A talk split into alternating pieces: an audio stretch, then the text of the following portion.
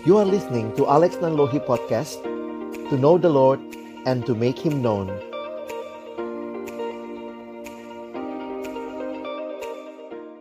Mari sebelum kita membaca merenungkan firman Tuhan, kita berdoa. Bapa di dalam surga, kami datang dalam ucapan syukur sore hari ini. Terima kasih Tuhan buat kesempatan kami beribadah, memuji, memuliakan namamu, dan juga tiba waktunya bagi kami untuk membuka firman-Mu ya Tuhan. Kami mohon ketika kami membuka firman-Mu, bukalah juga hati kami, Jadikanlah hati kami seperti tanah yang baik, supaya ketika benih firman Tuhan ditaburkan, boleh sungguh-sungguh berakar, bertumbuh, dan juga berbuah nyata di dalam kehidupan kami.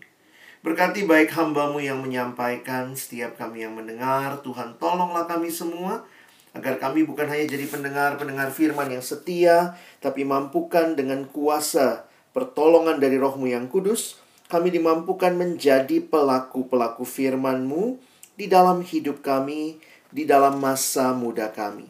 Bersabdalah ya Tuhan, kami anak-anakmu sedia mendengarnya. Di dalam satu nama yang kudus, nama yang berkuasa, nama Tuhan kami Yesus Kristus. Kami menyerahkan pemberitaan firman-Mu. Amin. Ya, shalom teman-teman, selamat sore semua. Bersyukur sekali kesempatan ini Tuhan berikan bagi kita. Memang ada banyak hal yang kita sedih dengan pandemi ini ya. Dan dalam beberapa hal kita tahu jadinya tidak bisa bertemu, sulit untuk uh, bersama-sama begitu ya. Tapi juga kita tetap melihat cara Tuhan yang indah memberikan kesempatan bagi kita untuk bersekutu bersama. Jadi saya bersyukur boleh melayani teman-teman hari ini dan kita tahu ya tema kita hari ini mau bicara tentang reborn, recover and reform ya. Dan tentunya firman Tuhan akan menuntun kita untuk bisa menikmati bagian ini. Nah, sedikit perkenalan tadi uh, saya Alex Nanlohi, saat ini saya di Jakarta. Saya melayani dalam pelayanan perkantas, saya di pelayanan nasional juga sebagai wakil sekjen perkantas dan juga secara khusus melayani dalam pelayanan siswa secara nasional. Jadi itu perkenalan dari saya. Nah, pingin kenal teman-teman semua, tapi memang waktu jua yang membuat kita nggak bisa kenalan. Tapi um, abang pingin ya mendengar sharing teman-teman. Nah, semua bisa sharing. Saya kasih waktu satu menit ya. Nah, sharingnya apa? Coba pikir sebentar ya. Nah, ini yang abang minta teman-teman sharing. Nah, coba saudara gambarkan perasaanmu di awal kuliah ini. ini kan baru mulai ya. Coba sharing satu menit ya. Coba maksimal dua ya, maksimal dua pilihan. Jangan semua dipilih gitu ya. Karena mungkin ada yang bilang bang, kayaknya aku nggak terwakili dengan satu satu bagian aja ya. Silakan. Jadi teman-teman, yang mana yang jadi pilih nomornya saja ya. Silakan. Wah, udah Nomor satu, seneng. Ada yang dua, capean ya dek ya. Oke. Dua dan delapan, dua dan sembilan, nomor enam. Wow. Wah ini semua nomor kayaknya ada nih ya. nomor satu dan delapan. Iya, oke. Okay. Baik. Satunya banyak banget gitu ya. Satu dan delapan. Boleh abang pilih uh, satu orang kali ya. Coba boleh sharing buat kita. Hmm, saya pilih yang namanya Intan Siregar. Intan Siregar, dek boleh buka mic-nya sebentar? Coba share kenapa pilih nomor 2 dan 9 gitu ya. Intan tadi share 2 dan 9. Silakan, Dek. Shalom.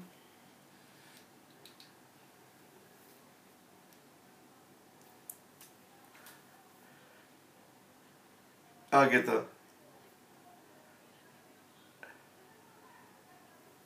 gitu ya. Baik, thank you Intan. Ya, uh, ya tentu banyak lah ya perasaan teman-teman gitu ya. Kita nggak bisa sharing satu-satu. Um, abang minta yang namanya Saud Fradoni Manulang. Saud Manulang, boleh dek, boleh buka mic-nya sebentar, coba share kenapa ya jadi satu perwakilan perempuan, satu perwakilan laki-laki. Silakan. Shalom. Kedengeran, kedengeran.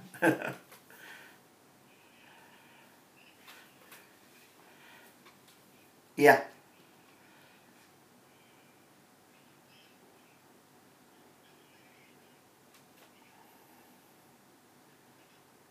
Hmm. Hmm. Iya.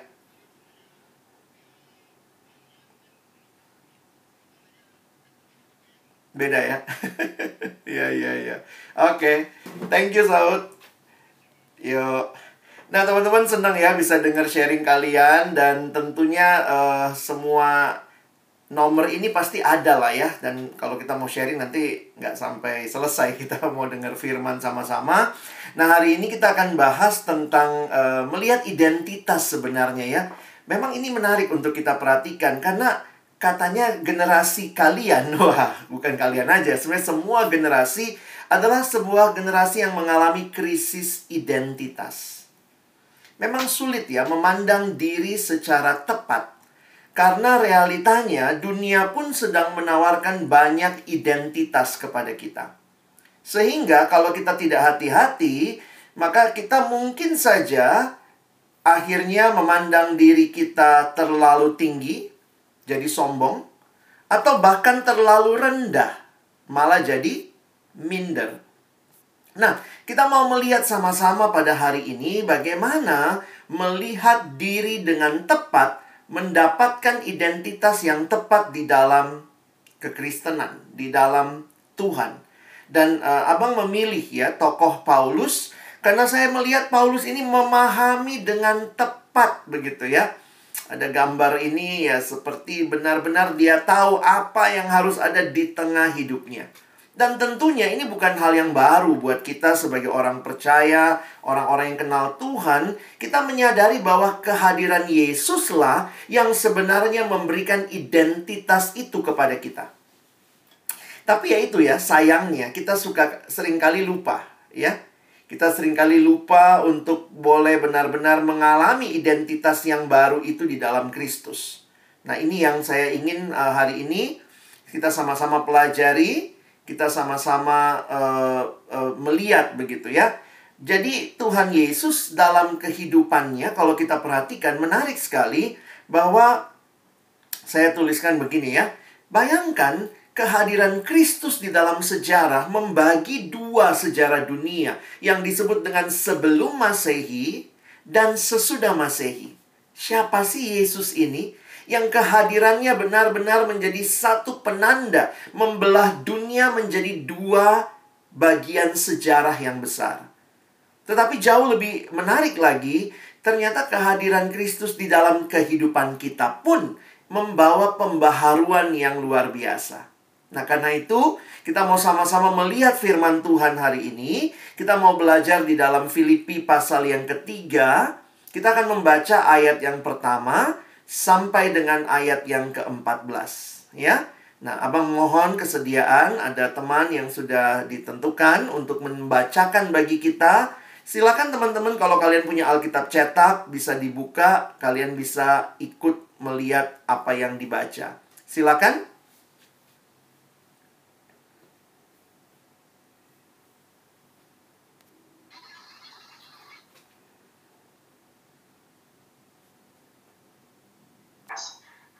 Bawah satu perikop kebenaran yang sejati.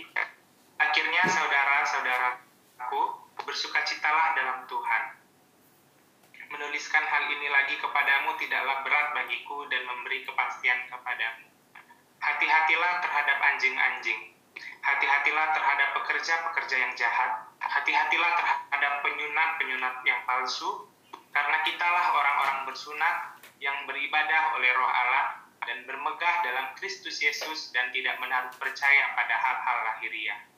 Sekalipun aku juga ada alasan untuk menaruh percaya pada hal-hal lahiriah, jika ada orang lain yang menyangka dapat menaruh percaya pada hal-hal lahiriah, aku lebih lagi disunat pada hari ke-8 dari bangsa Israel, dari suku Benyamin, orang Ibrani asli, tentang pendirian terhadap hukum Taurat, aku, aku orang Farisi.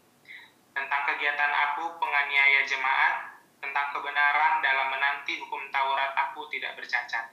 Tetapi apa yang dahulu merupakan keuntungan bagiku, sekarang kuanggap rugi karena Kristus.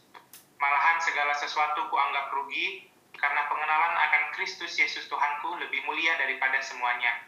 Oleh karena dialah aku telah melepaskan semuanya itu dan menganggapnya sampah supaya aku memperoleh Kristus. Dan berada di dalam dia bukan dengan kebenaranku sendiri karena mentaati hukum Taurat, melainkan dengan kebenaran karena kepercayaan kepada Kristus yaitu kebenaran yang Allah anugerahkan berdasarkan kepercayaan. Yang ku kehendaki ialah mengenal dia dan kuasa kebangkitannya dan persekutuan dalam penderitaannya, di mana aku menjadi serupa dengan dia dalam kematiannya, supaya aku akhirnya beroleh kebangkitan dari antara orang mati, bukan seolah-olah aku telah memperoleh hal ini atau telah sempurna, melainkan aku mengejarnya. Kalau-kalau aku dapat juga menangkapnya, karena aku pun telah ditangkap oleh Kristus Yesus. Saudara-saudara, aku sendiri tidak menganggap bahwa aku telah menangkapnya. Tetapi ini yang kulakukan. Aku melupakan apa yang telah di belakangku dan mengarahkan diri kepada apa yang di hadapanku. Dan berlari-lari kepada tujuan untuk memperoleh hadiah, yaitu panggilan surgawi dari Allah dalam Kristus Yesus.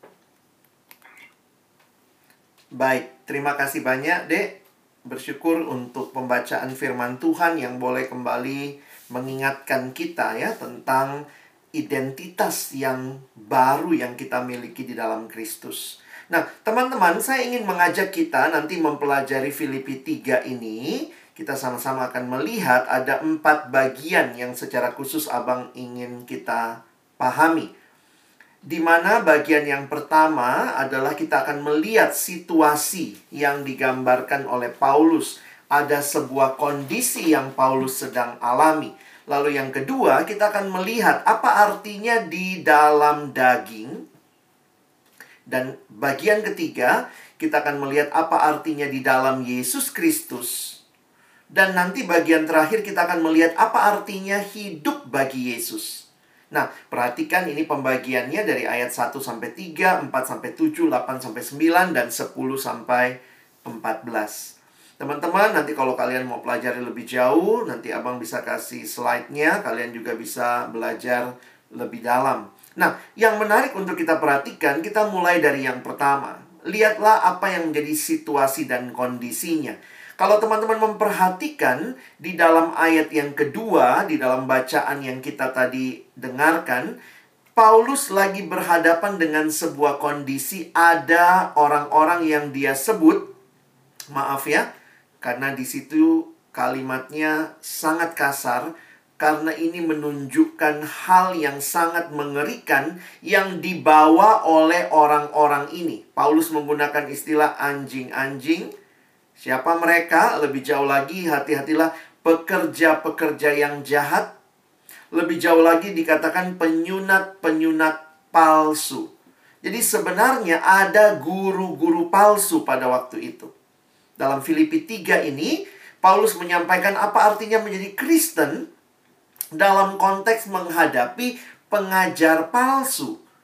Karena itu penting sekali bagi Paulus harus menyampaikan dengan tegas, ya harus menyampaikan dengan tegas uh, bagaimana mereka tidak menggantungkan diri kepada hal-hal yang lahiriah, ya. Nah, teman-teman, saya ingin mengajak kita memperhatikan sebentar situasi ini. Apa sih yang diajarkan oleh guru-guru palsu ini? Ini juga yang memberikan kepada jemaat pada waktu itu identitas yang palsu. Teman-teman, pada waktu itu ada guru-guru palsu yang disebut Judaizer. Pengajaran mereka apa? Bahwa keselamatan itu adalah upah dari perbuatan baik. Jadi mereka mengajarkan untuk selamat apa yang harus dilakukan? Percaya Yesus tapi plus perbuatan baik. Dan inilah yang sebenarnya Paulus ingatkan, bukan demikian keselamatan itu. Mereka mengajarkan kalau mau selamat harus disunat terlebih dahulu.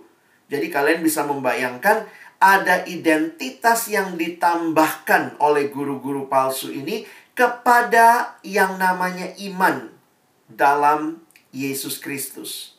Nah, bagaimana Paulus menjawab hal ini? Ketika Paulus menghadapi pengajar sesat dengan pengajaran seperti ini yang mengatakan keselamatan itu tidak cukup hanya Yesus harus ditambah hal yang baik yang dilakukan perbuatan baik, maka Paulus mau mengajak mereka melihat keselamatan itu seperti apa sih? Nah, Paulus mulai dengan memberikan gambaran tentang apa artinya di dalam daging. In the flesh. Nah, teman-teman ini secara khusus ya, kalau kita lihat uh, peta begitu ya, atau lagi buka Google Map ya, posisi itu sangat penting ya. Kenapa? Salah posisi ya juga bisa salah bertindak, salah melihat situasi. Perhatikan, kalau kalian lihat di sini, di dalam daging atau di dalam Kristus. Ternyata kehadiran Yesus di hidup Paulus membawa dia melihat periode hidupnya seperti tadi ya, sebelum Masehi dan sesudah Masehi, maka ketika dia melihat kehadiran Kristus di dalam dirinya, Paulus melihat dirinya dulu. Dulu dia hidup di dalam daging. Waktu dia hidup di dalam daging, identitasnya bukan di dalam Kristus, tetapi di dalam hal-hal yang disebutkan sebagai hal-hal lahiriah. Teman-teman bisa perhatikan tuh ya, ayat 4. Paulus mengatakan, aku juga ada alasan. Dia bilang sama jemaat Filipi. Kalau guru-guru palsu itu punya alasan bahwa mereka bisa mendapatkan keselamatan secara lahiriah, maka Paulus bilang, aku juga pasti bisa. Tapi bukan begitu keselamatan yang Paulus hayati. Identitasnya bukan karena apa yang dia miliki. Dan itu perhatikan, mulai dari ayat yang kelima, Paulus menggambarkan hal-hal yang dia bisa banggakan. Disunat pada hari ke-8 dari bangsa Israel. Jadi kalau dibilang disunat dari hari yang ke-8, maksudnya apa sih? Bayangkan anak umur 8 hari bisa pergi sendiri nggak menyunatkan diri. Ada nggak bayi datang gitu, tolong sunat dong gitu ya. Oh, pasti pada lari tuh ya. Disunat pada hari ke-8 menyatakan bahwa orang tua Paulus pun adalah orang yang beriman. Orang tuanya adalah orang tua yang taat. Jadi Paulus mau mengatakan begini, kalau bicara latar belakang keluarga, wow, keluargaku Aku disunat pada hari ke-8. Kami asli loh bangsa Israel dari suku Benyamin. Wow, bangga sekali jadi suku Benyamin. Suku Benyamin walaupun ini uh, apa ya kalau kita perhatikan raja pertama orang Yahudi dari suku nah, suku Benyamin ya, namanya raja Saul. Siapa nama Paulus sebelum diubah jadi Paulus? Saul, Saulus ya. Jadi memang menarik tuh ya, itu kayak nama opung terus turun gitu dari generasi ke generasi ya, selalu ada nama itu. Jadi kalau perhatikan dari suku Benyamin, orang Ibrani asli, jadi walaupun Paulus besarnya di rantau, tapi masih bisa berbahasa asli, bahasa Ibrani, pendirian terhadap hukum Taurat, aku orang Farisi, kegiatan aku penganiaya jemaat, dan tentang kebenaran dalam mentaati hukum Taurat, aku tidak bercacat. Jadi ini paket lengkap teman-teman ya. Kalau ada orang yang bisa selamat dengan semua hal yang lahiriah, pasti Paulus yang ranking satu untuk selamat. Kenapa? Karena semuanya dia punya. Makanya itulah yang kita baca dalam ayat 4 sampai 7 ini. Kalau bicara di dalam daging, menaruh percaya pada hal-hal yang lahiriah, ini identitas yang dulunya Paulus miliki. Dia merasa dia orang yang beragama. Dia melakukan segala tindakan-tindakan tersebut. Tapi kalau kita perhatikan, keselamatan itu dimulai bukan karena kita punya latar belakang yang baik, status sosial ekonomi, keagamaan, kita punya pengetahuan, bahkan kita punya pengalaman. Bukan itu identitas utama yang menyelamatkan kita. Karena Alkitab menyatakan kepada kita sebenarnya di dalam daging kita itu hidup di dalam dosa. Ini gambaran yang diberikan kepada kita. Menarik ya kalau kita memperhatikan istilah dosa di dalam bahasa Yunani, salah satunya digunakan kata hamartia. Nah, hamartia itu apa? Seperti orang sedang memanah, harusnya kena di bidang panah itu ya. Kalau ada anak panah dilepaskan, harusnya kena bidang panah itu. Paling bagus lagi kalau kena yang paling tengah ya. Tapi ketika itu meleset dari sasaran, itulah yang dikatakan hamartia. Tidak mencapai sasaran. Sehingga teman-teman, kalau kita memperhatikan gambaran yang diberikan adalah di dalam dosa, manusia yang harusnya hidup diciptakan menyembah Allah, eh jadi manusia yang tidak menyembah Allah, tapi berontak kepada Allah. Itu hamartia. Engkau dan saya dicipta untuk menyembah Allah. Tetapi ketika kita tidak menyembah Allah, hamartia, kita meleset dari sasaran awal tujuan Allah menciptakan kita. Allah ciptakan kita untuk mengasihi sesama. Tetapi manusia gagal mengasihi sesama. Adam menyalahkan istrinya. Dan perhatikan lebih jauh lagi. Bagaimana di dalam dosa manusia bahkan membunuh. Kejadian pasal 4 mencatat seorang abang membunuh adiknya sendiri. Sehingga di dalam dosa apa yang terjadi teman-teman? Harusnya kita fokus kepada Allah yang adalah pencipta kita, pemilik hidup kita. Tetapi di dalam dosa yang terjadi adalah manusia fokus kepada dirinya sendiri.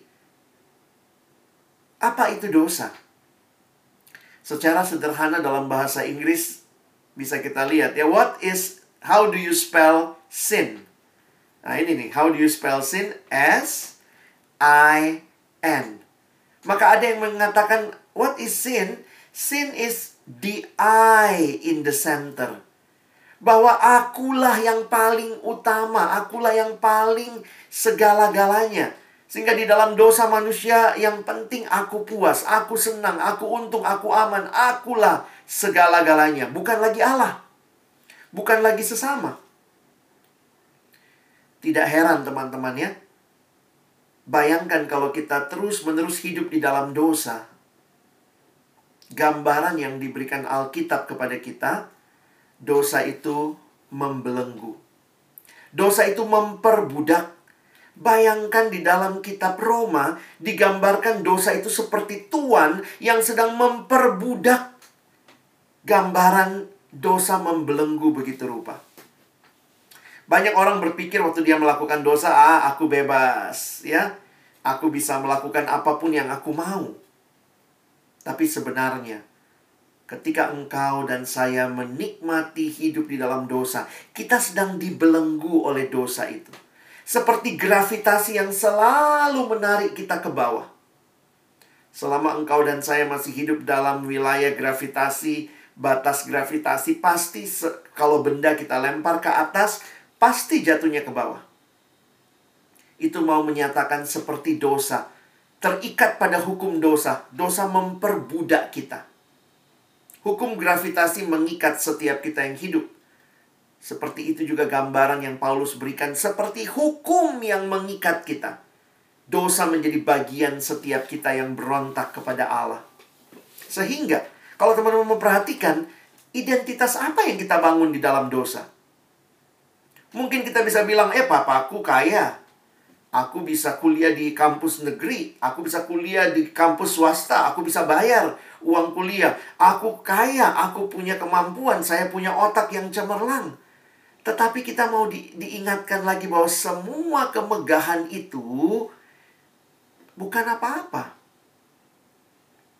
Ketika engkau dan saya terikat pada dosa, maka semua kebaikanmu dan kebaikanku yang paling baik tetap di dalam konteks yang kita pahami.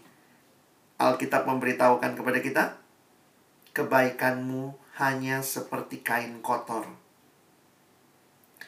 Teman-teman, Paulus sempat memegahkan, "Wis, aku punya ini, orang tuaku beriman, aku orang Farisi, satu mazhab Yahudi yang sangat memegang hukum Taurat."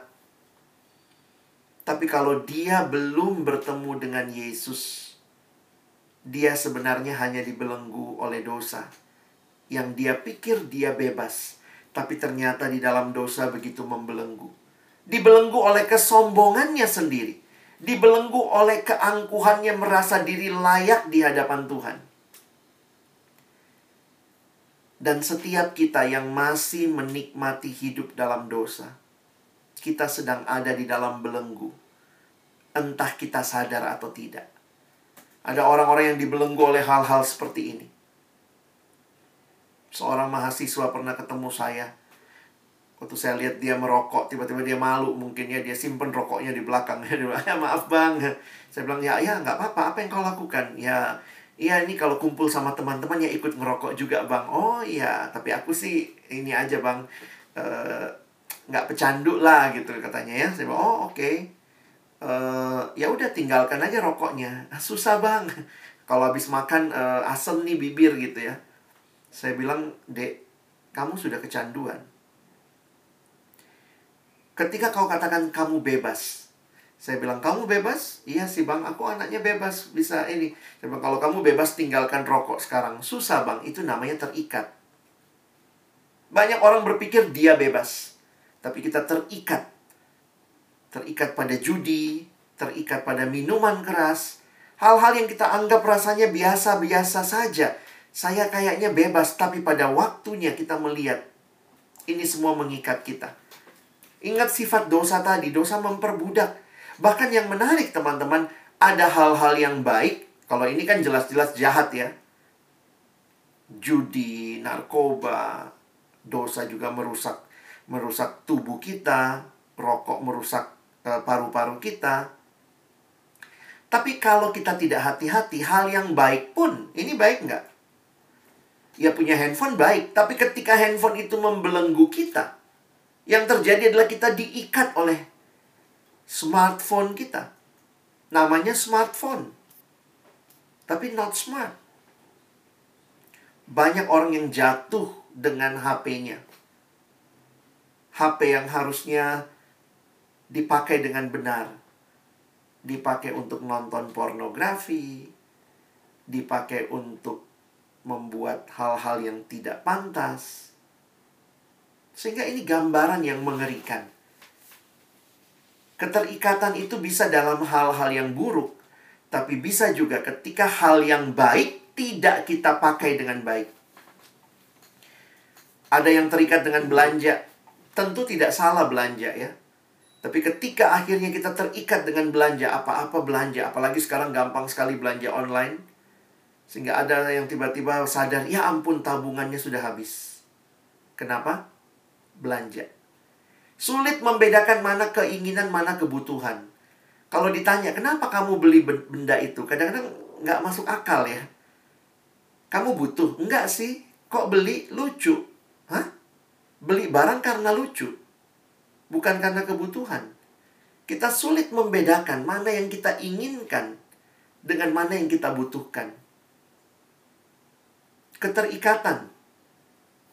Ada yang terikat dengan ini drakor drakor ya tentu nggak salah nonton drama Korea saya juga nonton beberapa gitu ya tapi poinnya adalah ketika itu bukan lagi kita menikmati tapi kita sudah kecanduan kita bukan penikmat lagi kita sudah jadi pecandu yang akhirnya diikat begitu rupa yang seolah-olah tidak bisa lepas harus kita cari kita kejar banyak drama-drama yang sebenarnya menarik, bagus ya, tapi pertanyaannya apakah ini membuat kita sulit untuk fokus? Kadang-kadang yang menarik begini teman-teman ya. Baca Alkitab 2 menit ngantuk banget. Tapi kalau nonton drama Korea satu malam 3-4 episode melek terus. Apa yang terjadi dengan kita? Apa yang terjadi dengan kerohanian kita? Bahkan ada yang merasa identitasnya dari drama Korea ya. Kalau ketemu temennya, kamu udah nonton yang ini belum? Ih, Aku belum, oh aku dong sudah. Kayaknya kalau kita sudah nu naik derajatnya. kita merasa, wow, saya punya sesuatu. Menaruh harapan-harapan yang kadang-kadang kita jadi susah juga membedakan ya. Dia yang putus di drama, kita yang uring-uringan sepanjang hari gitu ya. Kita yang rasanya kacau hati kita gitu. Nah ini memang gambaran yang harus kita ingat ya bahwa dunia menawarkan begitu banyak identitas yang seolah-olah memuaskan kita, memberikan sesuatu yang membuat kita merasa diri kita berharga. Oh yang pria mungkin ngomong wah saya mah bukan anak drama Korea bang, ya mungkin ini mainanmu. Mungkin kamu lagi diikat oleh game online, who knows?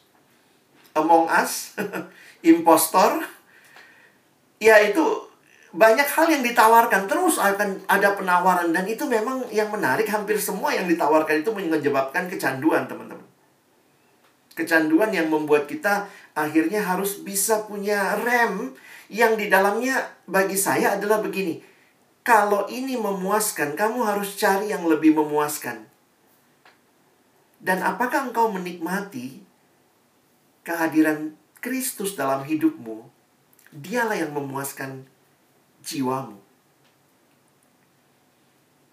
Ada yang punya alasan kesepian, makanya main game terus, nonton terus. Ada yang merasa karena kesepian akhirnya jatuh dalam pornografi. Apa yang sedang terjadi ketika kita mencari kenikmatan dari hal-hal yang kita tahu Tuhan tidak sukai? Kita tahu bukan itu yang bisa memuaskan. Kalau film porno memuaskan, maka seumur hidup kau cukup nonton satu film porno karena udah puas. Kan gitu ya? Udah nonton satu itu udah udah puas. Tapi ketika engkau sadar bahwa ternyata pornografi tidak pernah membawa kepuasan. Allah yang ciptakan seks bukan untuk dinikmati di luar relasi pernikahan. Allah menciptakannya untuk dinikmati dalam relasi suami dan istri. Sehingga semua bentuk di luar itu termasuk pornografi. Hal-hal yang kita nikmati di luar relasi menjadi hal yang mengerikan, menyedihkan. Banyak yang terjebak dalam hal-hal seperti ini saat ini. Merasa diri, ya saya memang begini, just follow my heart. Ikutin aja apa kata hatiku, ikutin hatiku lah. Alkitab tidak pernah mengatakan follow your heart. Karena Alkitab berkata hatimu sudah jatuh dalam dosa. Alkitab berkata follow God's word. Ikuti firman Tuhan. Dan tidak sedikit juga yang jatuh dalam free sex. Sex before marriage. Menjadi gambaran sering kali orang merasa identitasnya terpenuhi ketika dia menikmati semua hal ini. Tapi ternyata tidak ada yang bisa memuaskan kita. Teman-teman bisa membayangkan Gambarannya dosa itu menyusup perlahan-lahan. Kita memberontak kepada Allah secara sadar dan perlahan. Terjadinya pelan-pelan. Sehingga kita tidak mengenali dampaknya yang menghancurkan. Kita kehilangan rasa hormat terhadap diri sendiri. Kita kehilangan rasa hormat terhadap orang lain. Kita kehilangan kemampuan untuk berpikir sehat. Siapa sih yang nggak tahu merokok itu nggak benar? secara kesehatan jelaskan tapi kita nggak nggak sulit berpikir sehat udah jelas-jelas merokok dapat menyebabkan ini kok malah nggak bisa mikir kenapa dosa membuat kita seperti itu kita kesulitan berkata jujur kehilangan kemampuan untuk memberi karena dosa selalu membuat kita hidup bagi diri kita sendiri boro-boro memberi kepada orang lain kita kehilangan kemampuan mengasihi dan kita kehilangan kemampuan untuk hidup kudus. Sehingga Alkitab mengatakan di dalam dosa, upah dosa ialah maut. Roma 6 ayat 23a. Apa harapan hidup di dalam daging? Apa harapan hidup di dalam dosa? Nothing. Itulah yang Paulus juga sadari. Di balik semua kemegahan yang dia lihat bahwa dia miliki, tapi pun dia sadar di dalam dosa, di dalam daging, itu tidak ada gunanya. Karena itu di dalam ayat 8 sampai 9 Paulus berbicara tentang his new identity, identitasnya yang baru di dalam Yesus yang dia lihat sangat berbeda. Karena itu lihat ayat yang ke-8 ya. Dia bisa bilang begini teman-teman. Lihat ya tadi padahal banyak banget yang dia nikmati ya dalam orang Yahudi, dia punya background keluarga yang luar biasa, tapi dia katakan malahan segala sesuatu kok anggap rugi karena pengenalan akan Yesus Kristus Yesus Tuhanku lebih mulia dari semuanya.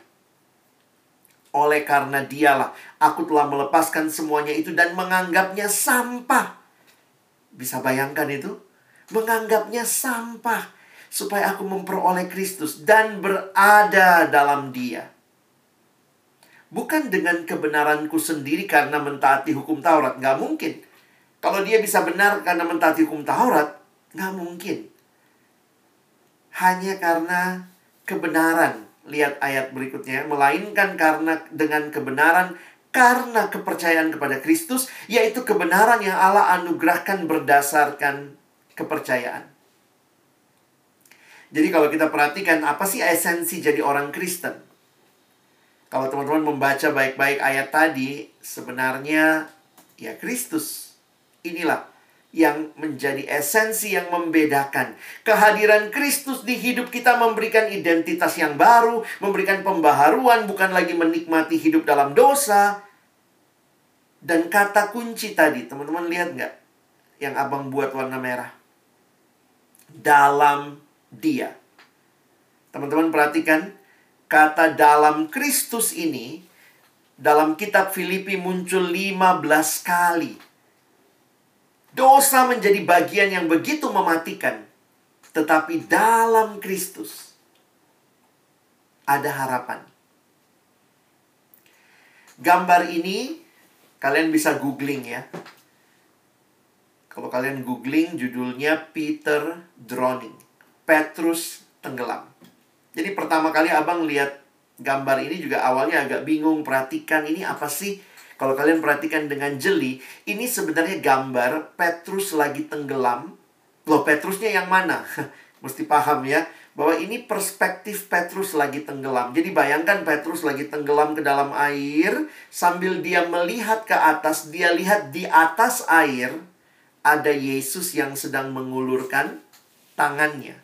Nah, jadi jangan terbalik ya, jangan kau pikir, oh Yesus tenggelam, oh bukan Yesus yang tenggelam. Ini perspektif Petrusnya lagi drowning, lagi tenggelam. Waktu saya mengerti gambar ini, melihatnya dan merenungkannya, jujur teman-teman saya terharu. Karena di dalam dosa yang ada cuma maut. Tidak ada harapan. Tetapi kalau kita lihat di dalam Yesus ada harapan. Mengapa?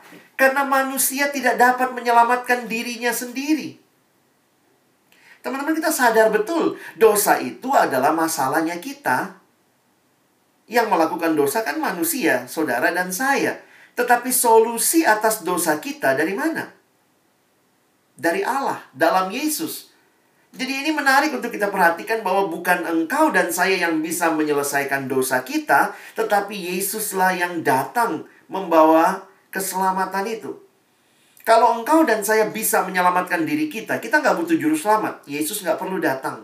Tetapi karena saudara dan saya yang melakukan dosa tidak sanggup keluar dari dosa, maka Kristus diutus oleh Bapa menjadi jalan pendamaian bagi kita. Searching for the answer to life. Jesus, you have found him. Karena itu lihat cara Paulus menjelaskan. Dia bilang fokusnya bukan lagi pada apa yang dia punya. Bukan lagi pada dirinya. Identitas tidak dibangun dari apa yang dia miliki. Tetapi sekarang identitas baru karena dia fokus pada Kristus. Maka dia bisa berkata, semua yang lain ku anggap sampah. Tapi Kristuslah bagianku. Teman-teman coba baca Filipi 3 ayat 8 dalam terjemahan bahasa Indonesia sehari-hari ya. Nanti kita baca juga ayat 8-nya, ayat 9-nya. Abang bacakan buat kita. Bukan saja hal-hal tersebut, tetapi malah segala sesuatu saya anggap sebagai hal-hal yang hanya merugikan saja. Yang saya miliki sekarang ini adalah lebih berharga, yaitu mengenal Kristus Yesus Tuhanku. Karena Kristus, maka saya sudah melepaskan segala-galanya. Saya anggap semuanya itu sebagai sampah saja supaya saya bisa mendapat Kristus dan betul-betul bersatu dengan Dia. Hubungan yang baik dengan Allah tidak lagi saya usahakan sendiri dengan jalan taat pada hukum agama. Sekarang saya mempunyai hubungan yang baik dengan Allah karena saya percaya kepada Kristus. Jadi, hubungan yang baik itu datang dari Allah dan berdasarkan percaya kepada Kristus. Wah, ini menarik sekali. Ini teologianya dalam sekali, teman-teman ya. Kalau hari ini kita bicara dari mana identitas kita, lihat ke salib itu. Di kayu salib Kristus mati bagi kita sehingga dia menyelesaikan pergumulan dosa kita. Dosa yang akhirnya cuma maut yang tidak bisa membawa saudara dan saya ke mana-mana. Tapi Kristus datang dan memberikan kehidupan yang baru. Identitas yang kita miliki sekarang adalah karena kita ada di dalam Kristus. Apa yang dia lakukan bagi kita? Waktu saya mendapatkan gambar ini pertama kali, ini siluetnya hidup Yesus ya. Mulai dari Yesus lahir sampai dia bangkit. Tapi di mana Yesus berkata sudah selesai? Betul, di kayu salib. Yesus tidak bilang sudah selesai di palungan, teman-teman. Dia bilang sudah selesai di atas kayu salib. It is finished. Tetelestai.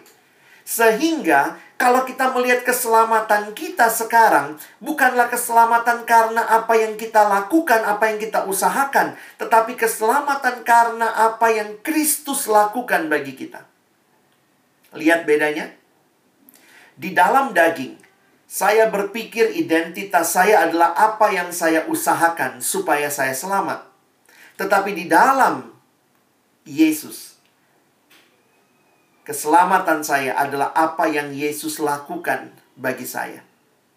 Sehingga Jesus plus nothing right, is everything. Tidak ada yang harus ditambahkan. Karena kematian Kristus, kebangkitannya, cukup membawa kita kembali kepada Allah. Apa yang dia lakukan? melalui kematiannya di kayu salib dan kebangkitannya. Tadi MC kita sudah mengatakan hal yang sama dengan ayat yang saya kutip ini. Satu Petrus pasalnya yang pertama ayat 18 dan 19 Kalimatnya sebab kamu tahu bahwa kamu telah ditebus dari cara hidupmu yang sia-sia yang kamu warisi dari nenek moyangmu itu bukan dengan barang yang fana, bukan pula dengan perak atau emas, melainkan dengan darah yang mahal, yaitu darah Kristus yang sama seperti darah anak domba yang tak bernoda dan tak bercacat. Kristus menebus kita. Apa artinya menebus? Ini istilah di dalam perdagangan di pasar. Kalau ada yang ditebus berarti ada uang atau barang yang ditukarkan, dibayarkan supaya benda yang kita tebus menjadi milik kita teman-teman, untuk itu engkau dan saya dibayar lunas oleh Kristus. Jadi kalau kita bicara keselamatan kita, keselamatan dalam semua kepercayaan yang lain, percaya pada kemampuan diri sendiri. Apa yang saya lakukan supaya saya selamat. Tetapi di dalam kekristenan, keselamatan kita adalah percaya pada apa yang sudah Yesus lakukan bagi kita. Teman-teman, ini beda sekali. Kalau Yesus hadir dalam dunia, membelah dunia menjadi dua bagian besar, sebelum Masehi dan sesudah Masehi.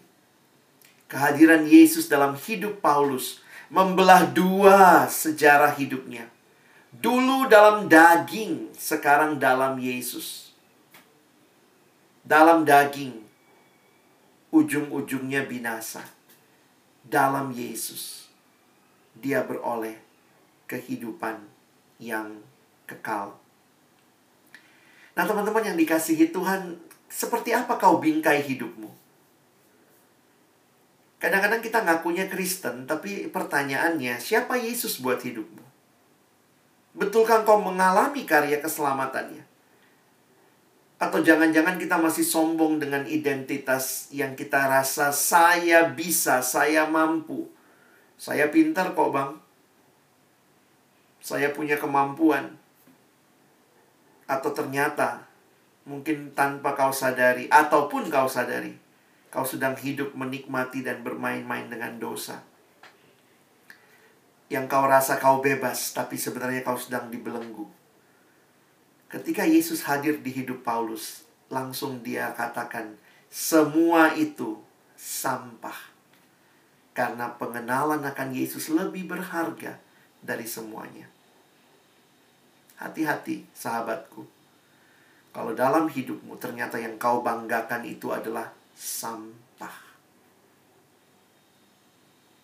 Saya bertemu dengan seorang mahasiswa yang begitu bangganya menang judi.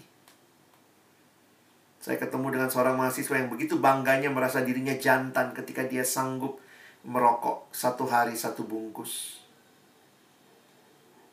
Saya ketemu dengan mahasiswa yang begitu bangganya pernah tidur sama berapa perempuan.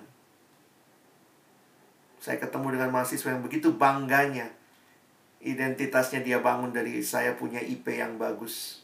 Tapi ternyata dia plagiat, dia nyontek, dia copy paste tugas. Saya ketemu dengan orang-orang yang sempat bangga dengan hidup dalam dosa. Apa yang dibanggakan? Sampah. Hati-hati ketika engkau dan saya hidup membanggakan sampah. Paulus sadar pengenalannya akan Yesus membuat segala sesuatu berubah. Tema kita hari ini ya, kita ngalamin reform. Ada pembaharuan. Sehingga sekarang bukan lagi hidup bagi diri. Makanya sekarang hidupnya bagi Yesus. Kalau kamu ditebus oleh Yesus, maka kamu milik Yesus. Maka siapa yang harusnya engkau layani dalam hidupmu? Ya Tuhan Yesus. Karena itu lihat, pembaharuan ini membawa Paulus punya tekad yang baru. Teman-teman lihat ayat 10. Sekarang dia berkata, yang ku kehendaki. Kalau sekarang saya dalam Kristus, maka yang ku kehendaki adalah mengenal dia. Dan kuasa kebangkitannya. Dan persekutuan dalam penderitaannya di mana aku menjadi serupa dengan dia dalam kematiannya. Supaya aku akhirnya beroleh kebangkitan dari antara orang mati. Gambar ini air yang mengalir mengingatkan saya bahwa kalau sudah ditebus oleh Kristus, dari situlah lahir kehidupan yang terus mau kenal Tuhan. I want to know Christ. Terus mau kenal Tuhan, tidak berhenti. Mengenal dia, mengenal kuasa kebangkitannya, dan mengalami keserupaan dengan Kristus. Ini bukan pengetahuan semata-mata, tetapi Paulus berbicara persekutuan dalam kematian Kristus membuat Paulus bisa mengalami kuasa kebangkitan Kristus. Maksudnya apa? Ini sebuah pengalaman yang nyata, bukan sekedar teori. Teman-teman bisa mengerti ini dari Roma 6 ya. Perhatikan sebentar Roma 6. Ada hal yang menarik di dalam kehidupan bersama Yesus.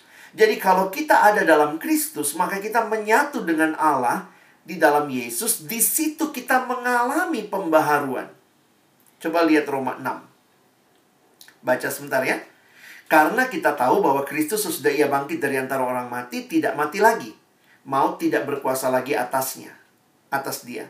Sebab kematiannya, siapa yang mati itu? Kematian Kristus adalah kematian terhadap dosa. Satu kali dan untuk selama-lamanya. Dan kehidupannya, karena Yesus kan nggak mati terus ya. Yesus yang mati, dia bangkit. Kehidupannya adalah kehidupan bagi Allah. Yesus mati terhadap dosa, sekarang dia hidup, hidupnya bagi siapa? Bagi Allah. Nah ini Roma 6 ayat 9 dan 10. Nah perhatikan Paulus membawa prinsip ini dalam hidup pribadi. Teman-teman coba perhatikan ya. Semua orang bisa ngomong Yesus mati. Semua orang bisa ngomong Yesus bangkit. Tapi hanya orang-orang yang mengalami kuasa kebangkitan Kristus itu yang akhirnya bisa berkata dalam pengalaman Yesus mati bagiku. Yesus hidup bagiku. Bisa paham? di sinilah saya melihat Paulus menarik kesimpulan yang sangat menarik. Dia berkata di ayat 11, ya. Demikianlah hendaknya kamu memandangnya bahwa kamu telah mati bagi dosa, tetapi kamu hidup bagi Allah dalam Kristus Yesus. Loh, bukannya yang tadi mati Yesus, mati terhadap dosa, dan Yesus yang hidup bagi Allah. Tetapi kemudian pengalaman dengan Kristus membuat Paulus menyadari sekarang kematian Kristus jadi kematianku. Aku pun mati bagi dosa. Dan kehidupan Kristus bagi Allah itu jadi kehidupanku. Nah, teman-teman beda ya. Ini bukan hanya pengetahuan. Saya nggak tahu sudah berapa lama kau jadi orang Kristen, tapi abang sendiri Kristen dari kecil, dari lahir juga udah Kristen. Tapi Kristen pengetahuan aja. Tahu sih Yesus mati di kayu salib. Ikut cerdas cermat Alkitab saya. Tahu banyak hal, tapi saya belum pernah mengalami apa artinya saya mati terhadap dosa dan saya hidup bagi Allah karena penebusan Kristus yang saya alami. Kelas 1 SMA, Tuhan jamah saya dari seorang Kristen KTP, Kristen tanpa pertobatan, Kristen KTP, Kristen tanpa perubahan.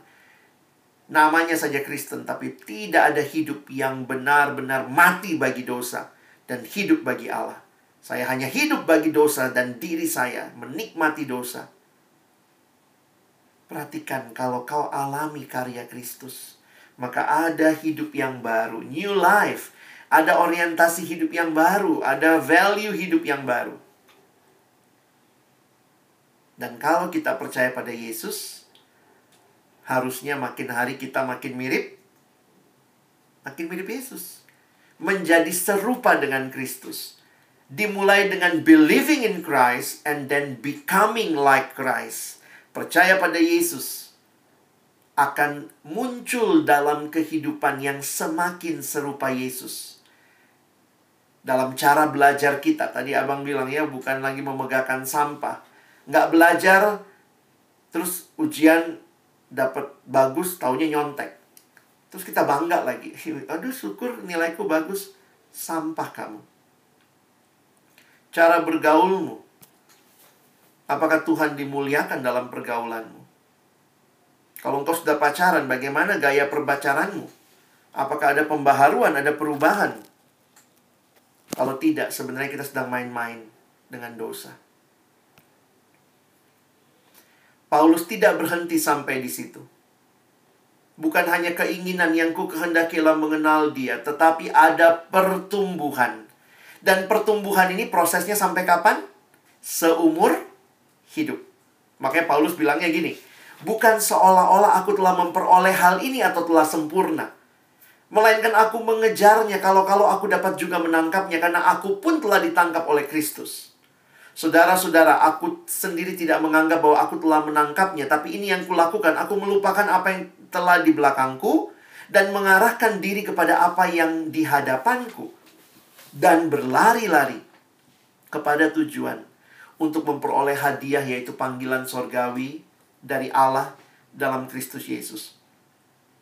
Abang menyimpulkan ayat-ayat ini dengan panggilan untuk jadi murid yang bertumbuh. Terus mau kenal Tuhan. Dan ini belum pernah selesai. Satu-satunya mata kuliah yang tidak pernah selesai dalam dunia ini. Mata kuliah mengenal Yesus.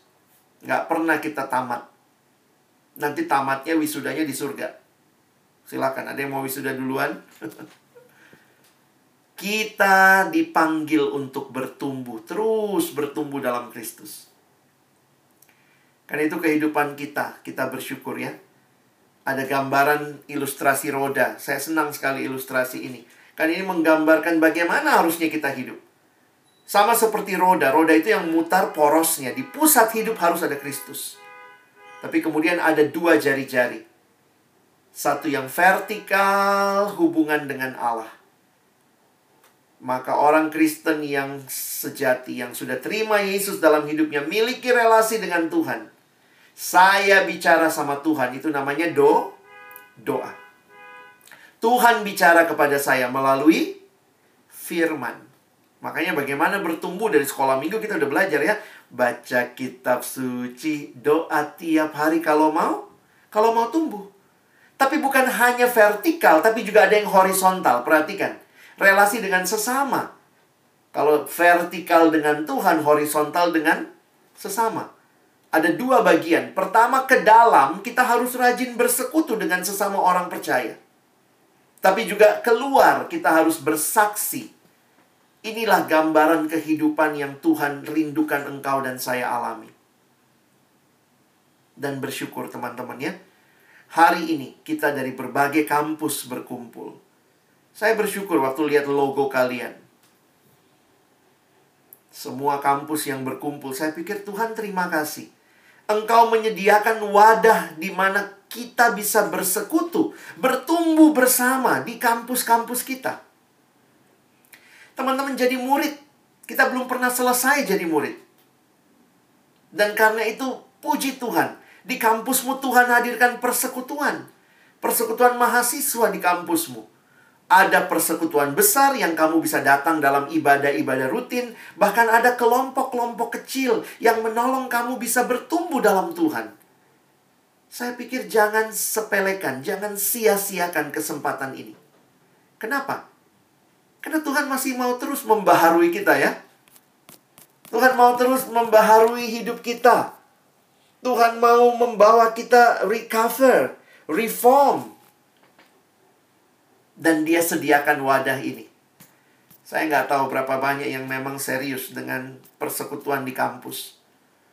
Rindu terlibat, rindu boleh dibangun dalam Tuhan. Waktu ditawarkan kelompok kecil, mungkin kau berkata, Tuhan terima kasih. Ada orang yang Tuhan berikan membangun hidup kerohanian saya. Teman-teman kita belajar hari ini. Di dalam Yesus identitasmu.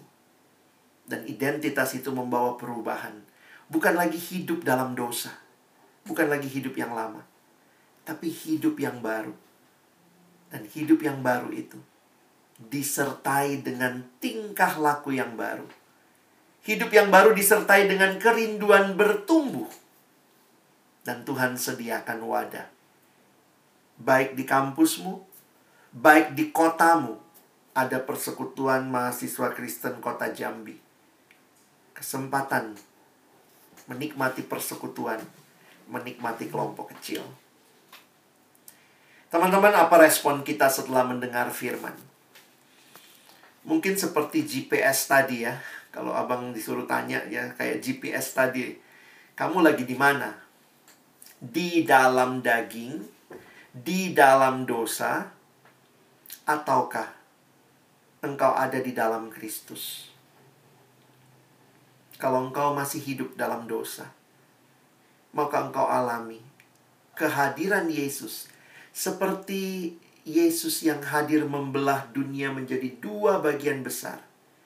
Yesus yang hadir di hidup Paulus membagi dua hidupnya.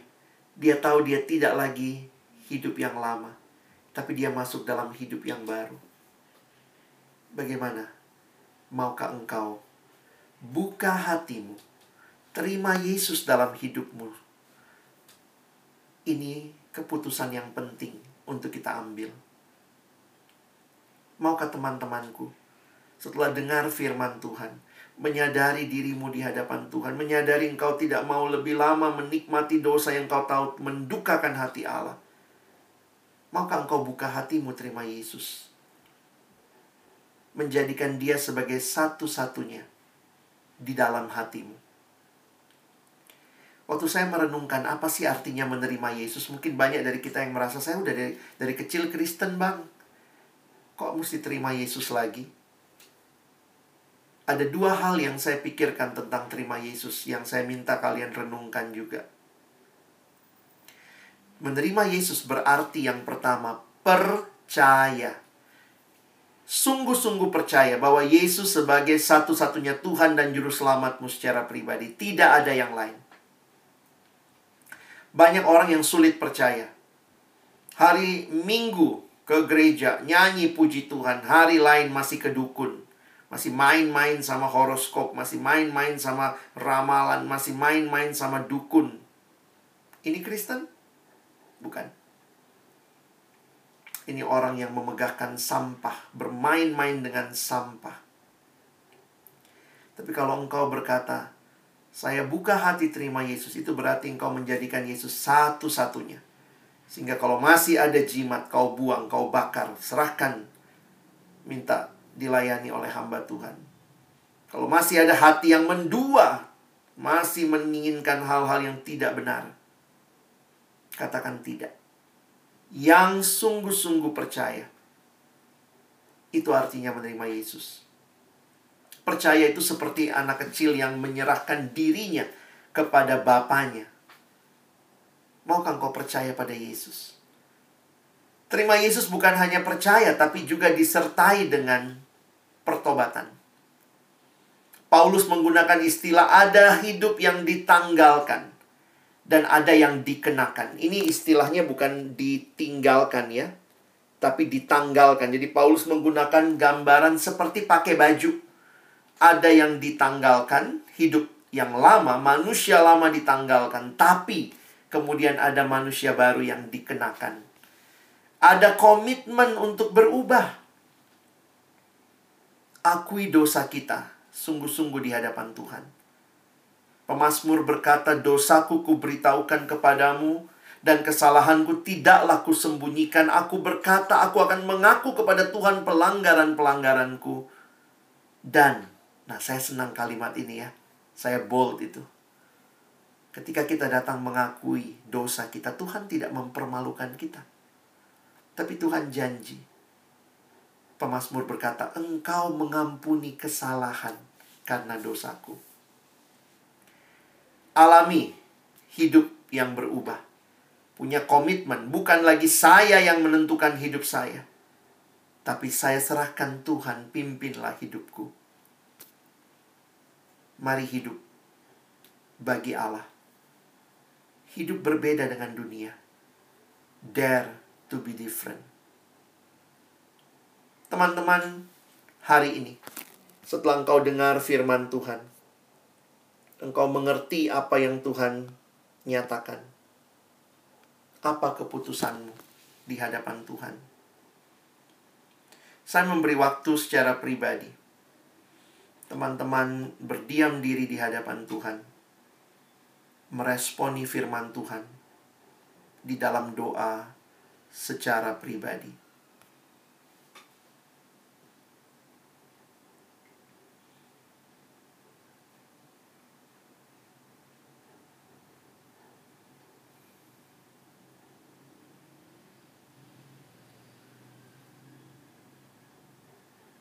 Teman-temanku yang dikasihi Tuhan, sebagai hamba Tuhan, izinkan saya memberikan beberapa pertanyaan untuk engkau responi secara pribadi. Saya terbatas melihat kamu.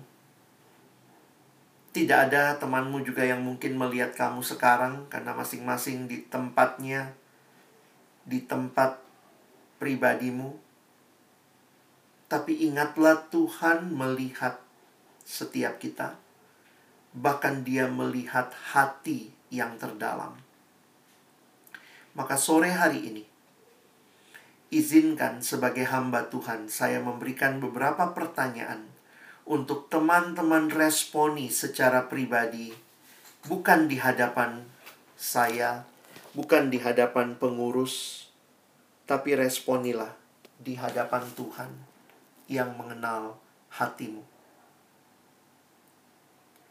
Saya harap waktu kita tenang, masing-masing di tempat kita. Adakah yang berkata, "Di sini saya Tuhan"? Selama ini saya hidup menikmati dosa. Saya bangga dengan sampah-sampah yang sebenarnya hanyalah membawa maut. Tapi hari ini setelah dengar firman Tuhan, saya mengerti betapa indahnya rencanamu bagi hidupku. Kau datang menyelamatkan aku. Kau mati dan bangkit. Karena itu Tuhan, saya tidak mau lagi hidup lebih lama di dalam dosa. Tapi hari ini, setelah mendengar firmanmu, saya mau ambil keputusan di hadapan Tuhan. Saya mau buka hatiku menerima Engkau sebagai satu-satunya Tuhan dan Juru Selamat dalam hidupku, ya Tuhan Yesus. Jika ada adik-adikku yang mau ambil keputusan sore hari ini, menerima Yesus di dalam hidupmu, meninggalkan dosa-dosamu, dan hidup hanya bagi Tuhan, mengalami identitas yang sejati di dalam Tuhan. Saya rindu mendoakan teman-teman yang ambil keputusan terima Yesus. Abang rindu pada waktu kita berdoa jika engkau ambil keputusan terima Yesus sore hari ini. Taruh tangan kananmu di dadamu. Dalam posisi dan sikap yang tenang. Taruh tangan kananmu di dadamu. Bagi semua adik-adikku yang ambil keputusan terima Yesus hari ini. Dan mari ikuti doa saya. Di dalam ketenangan ini, berdoalah secara pribadi kepada Tuhan. Ikuti kata-kata saya kalimat demi kalimat. Ya Allah, aku tahu aku adalah manusia berdosa Aku ingin berbalik dari dosa-dosaku. Aku ingin mengalami pengampunanmu. Aku percaya Yesus telah mati untuk dosa-dosaku. Aku percaya. Yesus sudah bangkit dari kematian. Aku percaya. Hanya di dalam Dialah ada kehidupan yang kekal.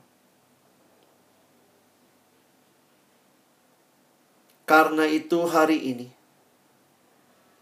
di hadapan Allah, aku membuka hatiku untuk menerima Yesus sebagai satu-satunya Tuhan dan Juru Selamatku secara pribadi. Mulai hari ini, berkuasalah atas seluruh hidupku, ya Tuhan. Mulai hari ini, aku menyerahkan seluruh kendali hidupku kepadamu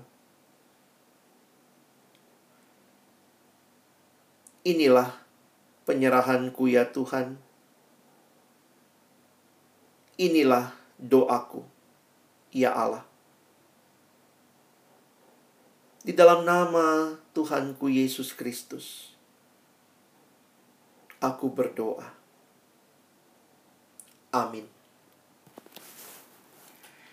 Teman-teman yang dikasihi Tuhan, Kiranya Tuhan meneguhkan keputusan yang kau buat hari ini. Bagi teman-teman yang sudah mengambil keputusan menerima Yesus secara pribadi, teruslah bertumbuh. Sehingga engkau pun boleh semakin hari semakin hidup bagi Allah, hidup bagi Yesus, mempersembahkan seluruh kehidupanmu. Jadi murid yang sejati pakai kesempatan ada di persekutuan di kampus, terlibat dan dibina, dibentuk jadi murid yang sejati. Saya rindu setiap kita juga mengambil kesempatan mengisi lembar respon. Ada link yang akan dibagikan oleh pengurus Silakan teman-teman ambil waktu sebentar sebelum kita lanjutkan kebaktian ini. Kliklah link form komitmen supaya setiap komitmen yang kalian ambil tadi boleh didukung, didoakan. Ada abang kakak yang akan mendukung, mendoakan, dan memfollow up apa yang menjadi keputusanmu. Kalau Tuhan gerakkan engkau untuk juga terlibat di dalam persekutuan yang ada di kampusmu, di dalam kelompok kecil, kelompok yang membina kamu, membentuk kamu jadi murid. Silakan ambil komitmen itu di hadapan Tuhan. Abang kasih waktu 1-2 menit ini, silakan semua langsung isi komitmennya, dan sesudah itu nanti saya kembalikan kepada MC kita.